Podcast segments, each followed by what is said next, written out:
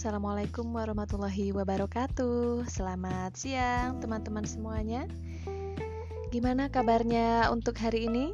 Mudah-mudahan selalu dalam keadaan sehat ya, tentunya juga dalam keadaan yang bahagia.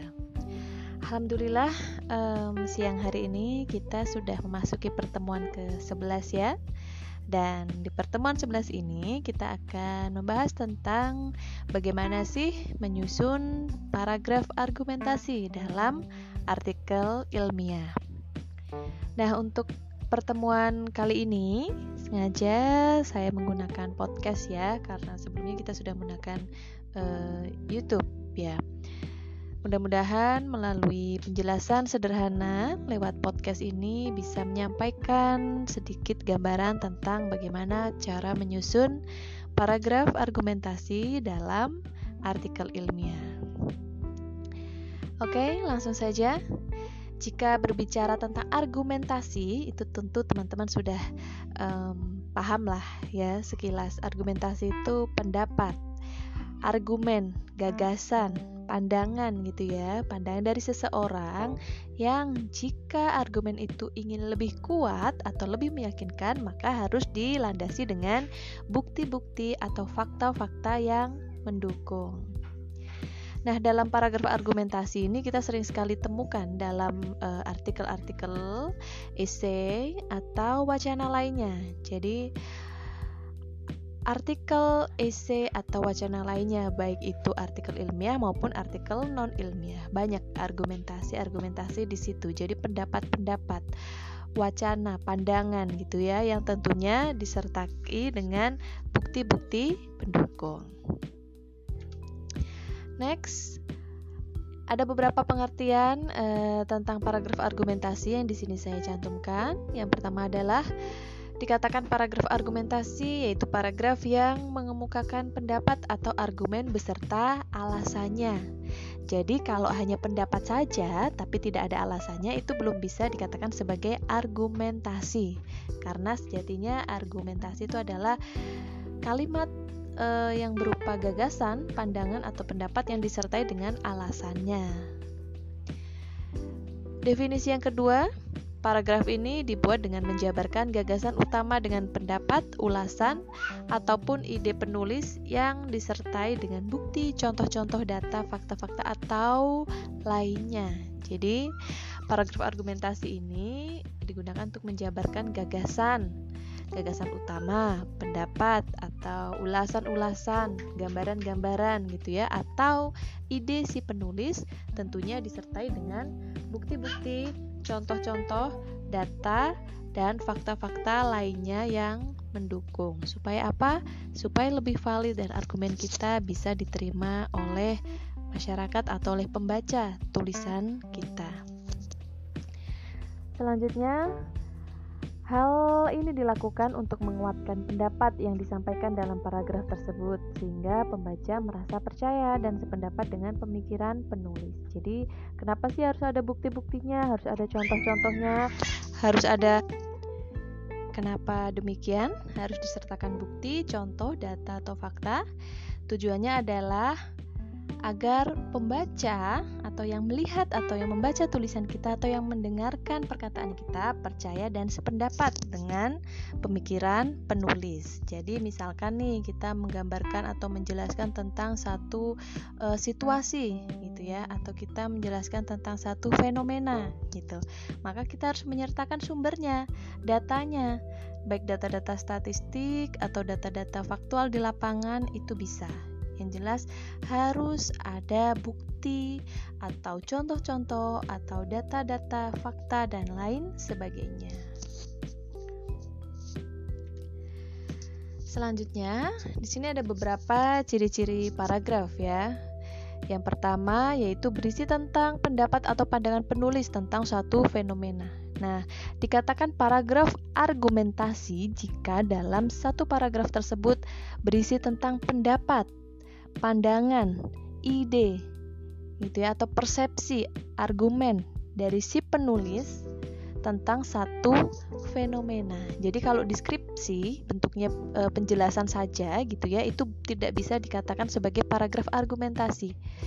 karena tidak ada argumen atau pandangan pribadi. Itu nah, tetapi pandangan pribadi atau pendapat gitu ya atau pandangan penulis tadi terhadap satu fenomena itu harus memiliki data-data faktual atau contoh-contoh yang konkret yang mendukung pendapat penulis seperti itu. Nah, misalnya nih kalau kita e, sebagai mahasiswa ilmu sosial ya, ketika kita menjabarkan sesuatu, maka kita bisa melandasinya dengan teori. Nah, nanti di semester depan kita akan diajarkan tentang teori-teori sosial, teori-teori dalam sosiologi, perspektif dalam sosiologi. Nah, fungsinya apa? Fungsinya adalah untuk menguatkan tulisan-tulisan kita nantinya. Gitu. Misalnya kita menganalisa tentang fenomena sosial. Nah, untuk menguatkannya itu apa? Kita harus sertakan landasan teorinya. Nah, misalkan kita menjelaskan tentang uh, pemilu pilkada kemarin gitu ya. Nah, kita harus menyertakan data-data faktualnya, data-data statistik di lapangannya, misalnya seperti itu. Nah, itu baru pembaca percaya dan yakin karena ada contoh, bukti dan data yang nyata. Selanjutnya, menjabarkan fenomena dengan cara menganalisa dan menganalogikan fenomena atau permasalahan tersebut. Nah, ketika kita menyampaikan argumentasi, kita harus menyampaikannya dengan jelas. Kita harus jabarkan fenomena tersebut, permasalahan tersebut dengan cara apa? Dengan cara menganalisa permasalahan secara jelas. Nah, menganalisa ini menggunakan apa? Kita bisa gunakan teori-teori yang melandasinya. Seperti itu. Itu nanti di semester depan kita akan belajar ya dan menganalogikan fenomena atau permasalahan tersebut. Jadi permasalahan itu tidak hanya digambarkan, tapi juga kita bisa uh, gunakan pandangan orang lain gitu ya atau kita menggunakan persepsi orang lain, kita menggunakan teori orang lain untuk meng, uh, menjabarkan permasalahan tersebut. Dan yang terakhir, dalam satu paragraf argumentasi, itu bisa diakhiri dengan kesimpulan pendapat dari penulis. Jadi setelah kita berikan bukti, data, contoh, dan fakta, kita sudah analisa dengan teori, maka di akhir kita bisa meringkasnya atau membuat kesimpulannya. Seperti itu ya. Selanjutnya, langkah menyusun argumentasi. Ini ya, ada beberapa hal. Yang pertama, menentukan topik atau tema. Ini jelas ya argumentasi itu harus sesuai dengan judul yang kita buat tema penelitian yang kita buat dan latar belakang yang kita buat. Itu harus jelas. Menetapkan tujuan. Tujuan juga sama tujuan dalam penelitian kita itu apa? Ini harus selaras dan sesuai. Selanjutnya mengumpulkan data dari berbagai sumber. Jadi kita harus mengumpulkan data-data yang bisa mendukung argumen atau pendapat kita.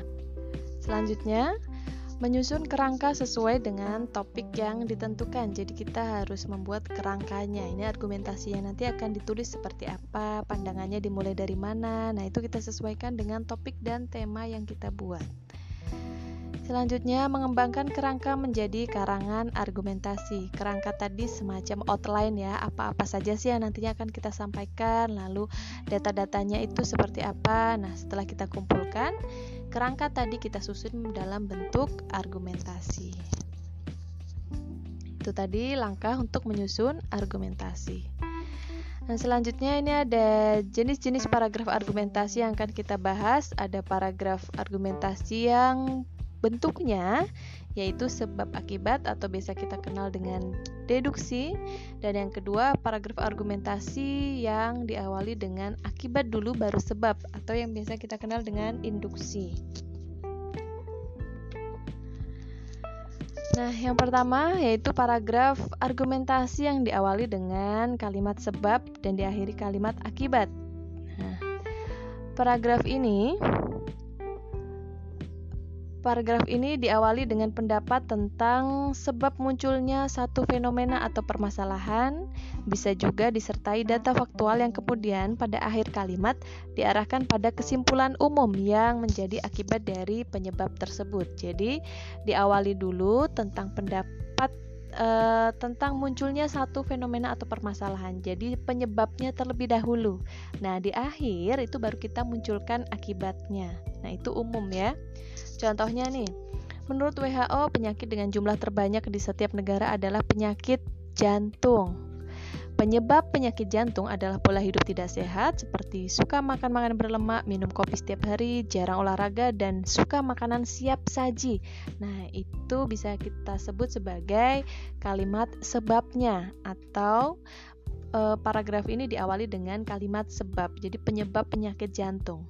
Nah, setelah itu Hal tersebut mengakibatkan pengumpulan lemak pada pembuluh darah dan meningkatkan kerja jantung. Akibatnya jantung mengalami kegagalan kerja dan bisa berdampak kematian. Nah, itu adalah akibatnya atau kalimat akibat. Jadi diawali dengan kalimat sebab diakhiri kalimat akibat. Lalu bukti atau fakta yang mendukung apa? Nah, ini ada kata menurut WHO itu adalah data di lapangannya. Jadi berdasarkan penelitian yang sudah dibuat dan dilakukan oleh WHO, penyakit jantung tadi disebabkan karena adanya pola hidup tidak sehat yang mengakibatkan kinerja jantung melambat. Nah, seperti itu. Kalimat sebab akibat atau deduksi dikatakan tepat jika alasan dan konklusi benar dan sahih. Hal ini berarti Alasan atau premis yang diberikan untuk kesimpulan harus sesuai dengan kenyataan. Jadi, alasan-alasan yang digunakan itu harus valid dan sesuai dengan kenyataan, gitu ya. Misalnya tadi dikatakan bahwa e, penyakit jantung itu disebabkan pola hidup tidak sehat. Nah, itu kan sesuai dengan fakta dan kenyataan dan didukung oleh penelitian yang sudah dilakukan oleh WHO. Kesimpulan harus diambil dari alasan-alasan dari alasan-alasannya secara sahih atau secara benar jelas ya. Faktor yang terpenting adalah kejelasan dan kelogisan. Jadi harus jelas dan logis. Selanjutnya, kalau tadi sudah paragraf argumentasi sebab akibat, nah sekarang paragraf argumentasi untuk akibat dan sebab. Ini diawali dengan paparan akibat yang terjadi sehingga muncul fenomena atau permasalahan dan diakhiri dengan pemaparan apa yang menjadi penyebab dari akibat tersebut. Setiap pemaparan disertai data faktual atau data yang menunjang pendapat penulis. Misalnya nih, lapisan atmosfer bumi semakin menipis. Lapisan ozon beberapa wilayah bahkan sudah tidak ada Lapisan-lapisan atmosfer ini berfungsi sebagai pelindung bumi dari sinar matahari langsung dan benda-benda asing dari angkasa luar. Climate change juga salah satu bentuk kerusakan bumi. Cuaca di bumi menjadi tidak menentu. Semua fenomena tersebut disebabkan oleh ulah manusia yang bersifat merusak, seperti menebang pohon, buang sampah sembarangan, asap kendaraan bermotor, dan lainnya. Nah, ini diawali oleh akibat dulu ya. Akibatnya adalah lapisan atmosfernya menjadi semakin menipis, lapisan ozon di beberapa wilayah bahkan sudah tidak ada dan uh, climate change juga mulai nampak. Nah, sebabnya apa? Sebabnya yaitu karena ulah manusia yang bersifat merusak seperti menebang pohon, buang sampah sembarangan, asap kendaraan motor, dan lain sebagainya seperti itu. Nah, ini fakta ya karena sudah banyak sekali penelitian yang menjelaskan tentang hal ini. Nah, di sini dikatakan bahwa pendekatan induksi mengumpulkan data terlebih dahulu, baru hipotesis dibuat jika diinginkan. Jadi, kita sampaikan data-datanya terlebih dahulu. Misalnya tadi eh, tentang lapisan atmosfer mulai menipis, lapisan ozon di beberapa wilayah bahkan sudah tidak ada. Itu kan kita munculkan data terlebih dahulu baru baru di akhir kita membuat satu hipotesis yaitu sebab yang ditimbulkan. Selanjutnya, proses induksi selalu digunakan pada penelitian dengan pendekatan kualitatif. Nah, ini banyak digunakan oleh eh, peneliti-peneliti uh, kualitatif ya. Biasanya kita menggambarkan akibatnya dulu baru di akhir kita membuat hipotesa atau sebabnya gitu. Penalaran induksi merupakan proses berpikir yang berdasarkan kesimpulan pada kesimpulan umum pada kondisi khusus. Nah, ini adalah uh, untuk paragraf argumentasi akibat sebab merupakan proses berpikir berdasarkan kesimpulan umum. Artinya kita bisa membuat kesimpulan umum, kesimpulan secara garis besar pada kondisi khusus, pada satu fenomena khusus. Nah, kesimpulan tadi menjelaskan fakta, sedangkan faktanya mendukung kesimpulan. Dua hal ini harus saling berkaitan antara fakta dan kesimpulan harus saling berkesinambungan.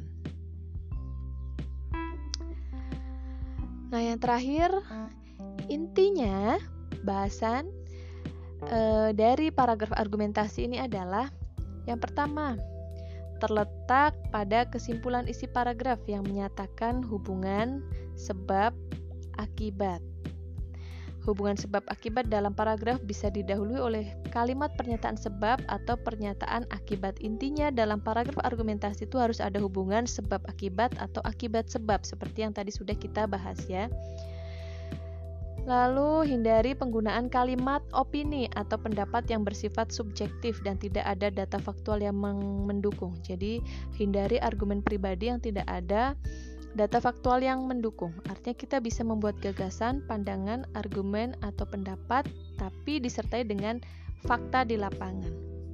Selanjutnya, argumentasi harus selaras dengan judul, latar belakang, dan rumusan masalah dalam penelitian. Jadi argumentasi itu harus sesuai dengan judul apa yang kita ambil, tema apa yang kita ambil, latar belakang, dan juga rumusan masalah dalam penelitian. Harus nyambung seperti itu, ya. Ini untuk daftar pustakanya bisa dilihat dan itu saja yang bisa saya sampaikan pada pertemuan kali ini. Kurang lebihnya Bu Pipit mohon maaf ya. Mudah-mudahan melalui podcast ini bisa bermanfaat dan bisa membantu teman-teman dalam belajar tentang menyusun paragraf argumentasi. Itu saja, jika ada yang belum jelas atau ingin ditanyakan, silahkan ditanyakan pada kolom komentar Google Classroom seperti biasa ya. Demikian saya akhiri. Terima kasih, selamat siang semuanya, sehat selalu. Wassalamualaikum warahmatullahi wabarakatuh.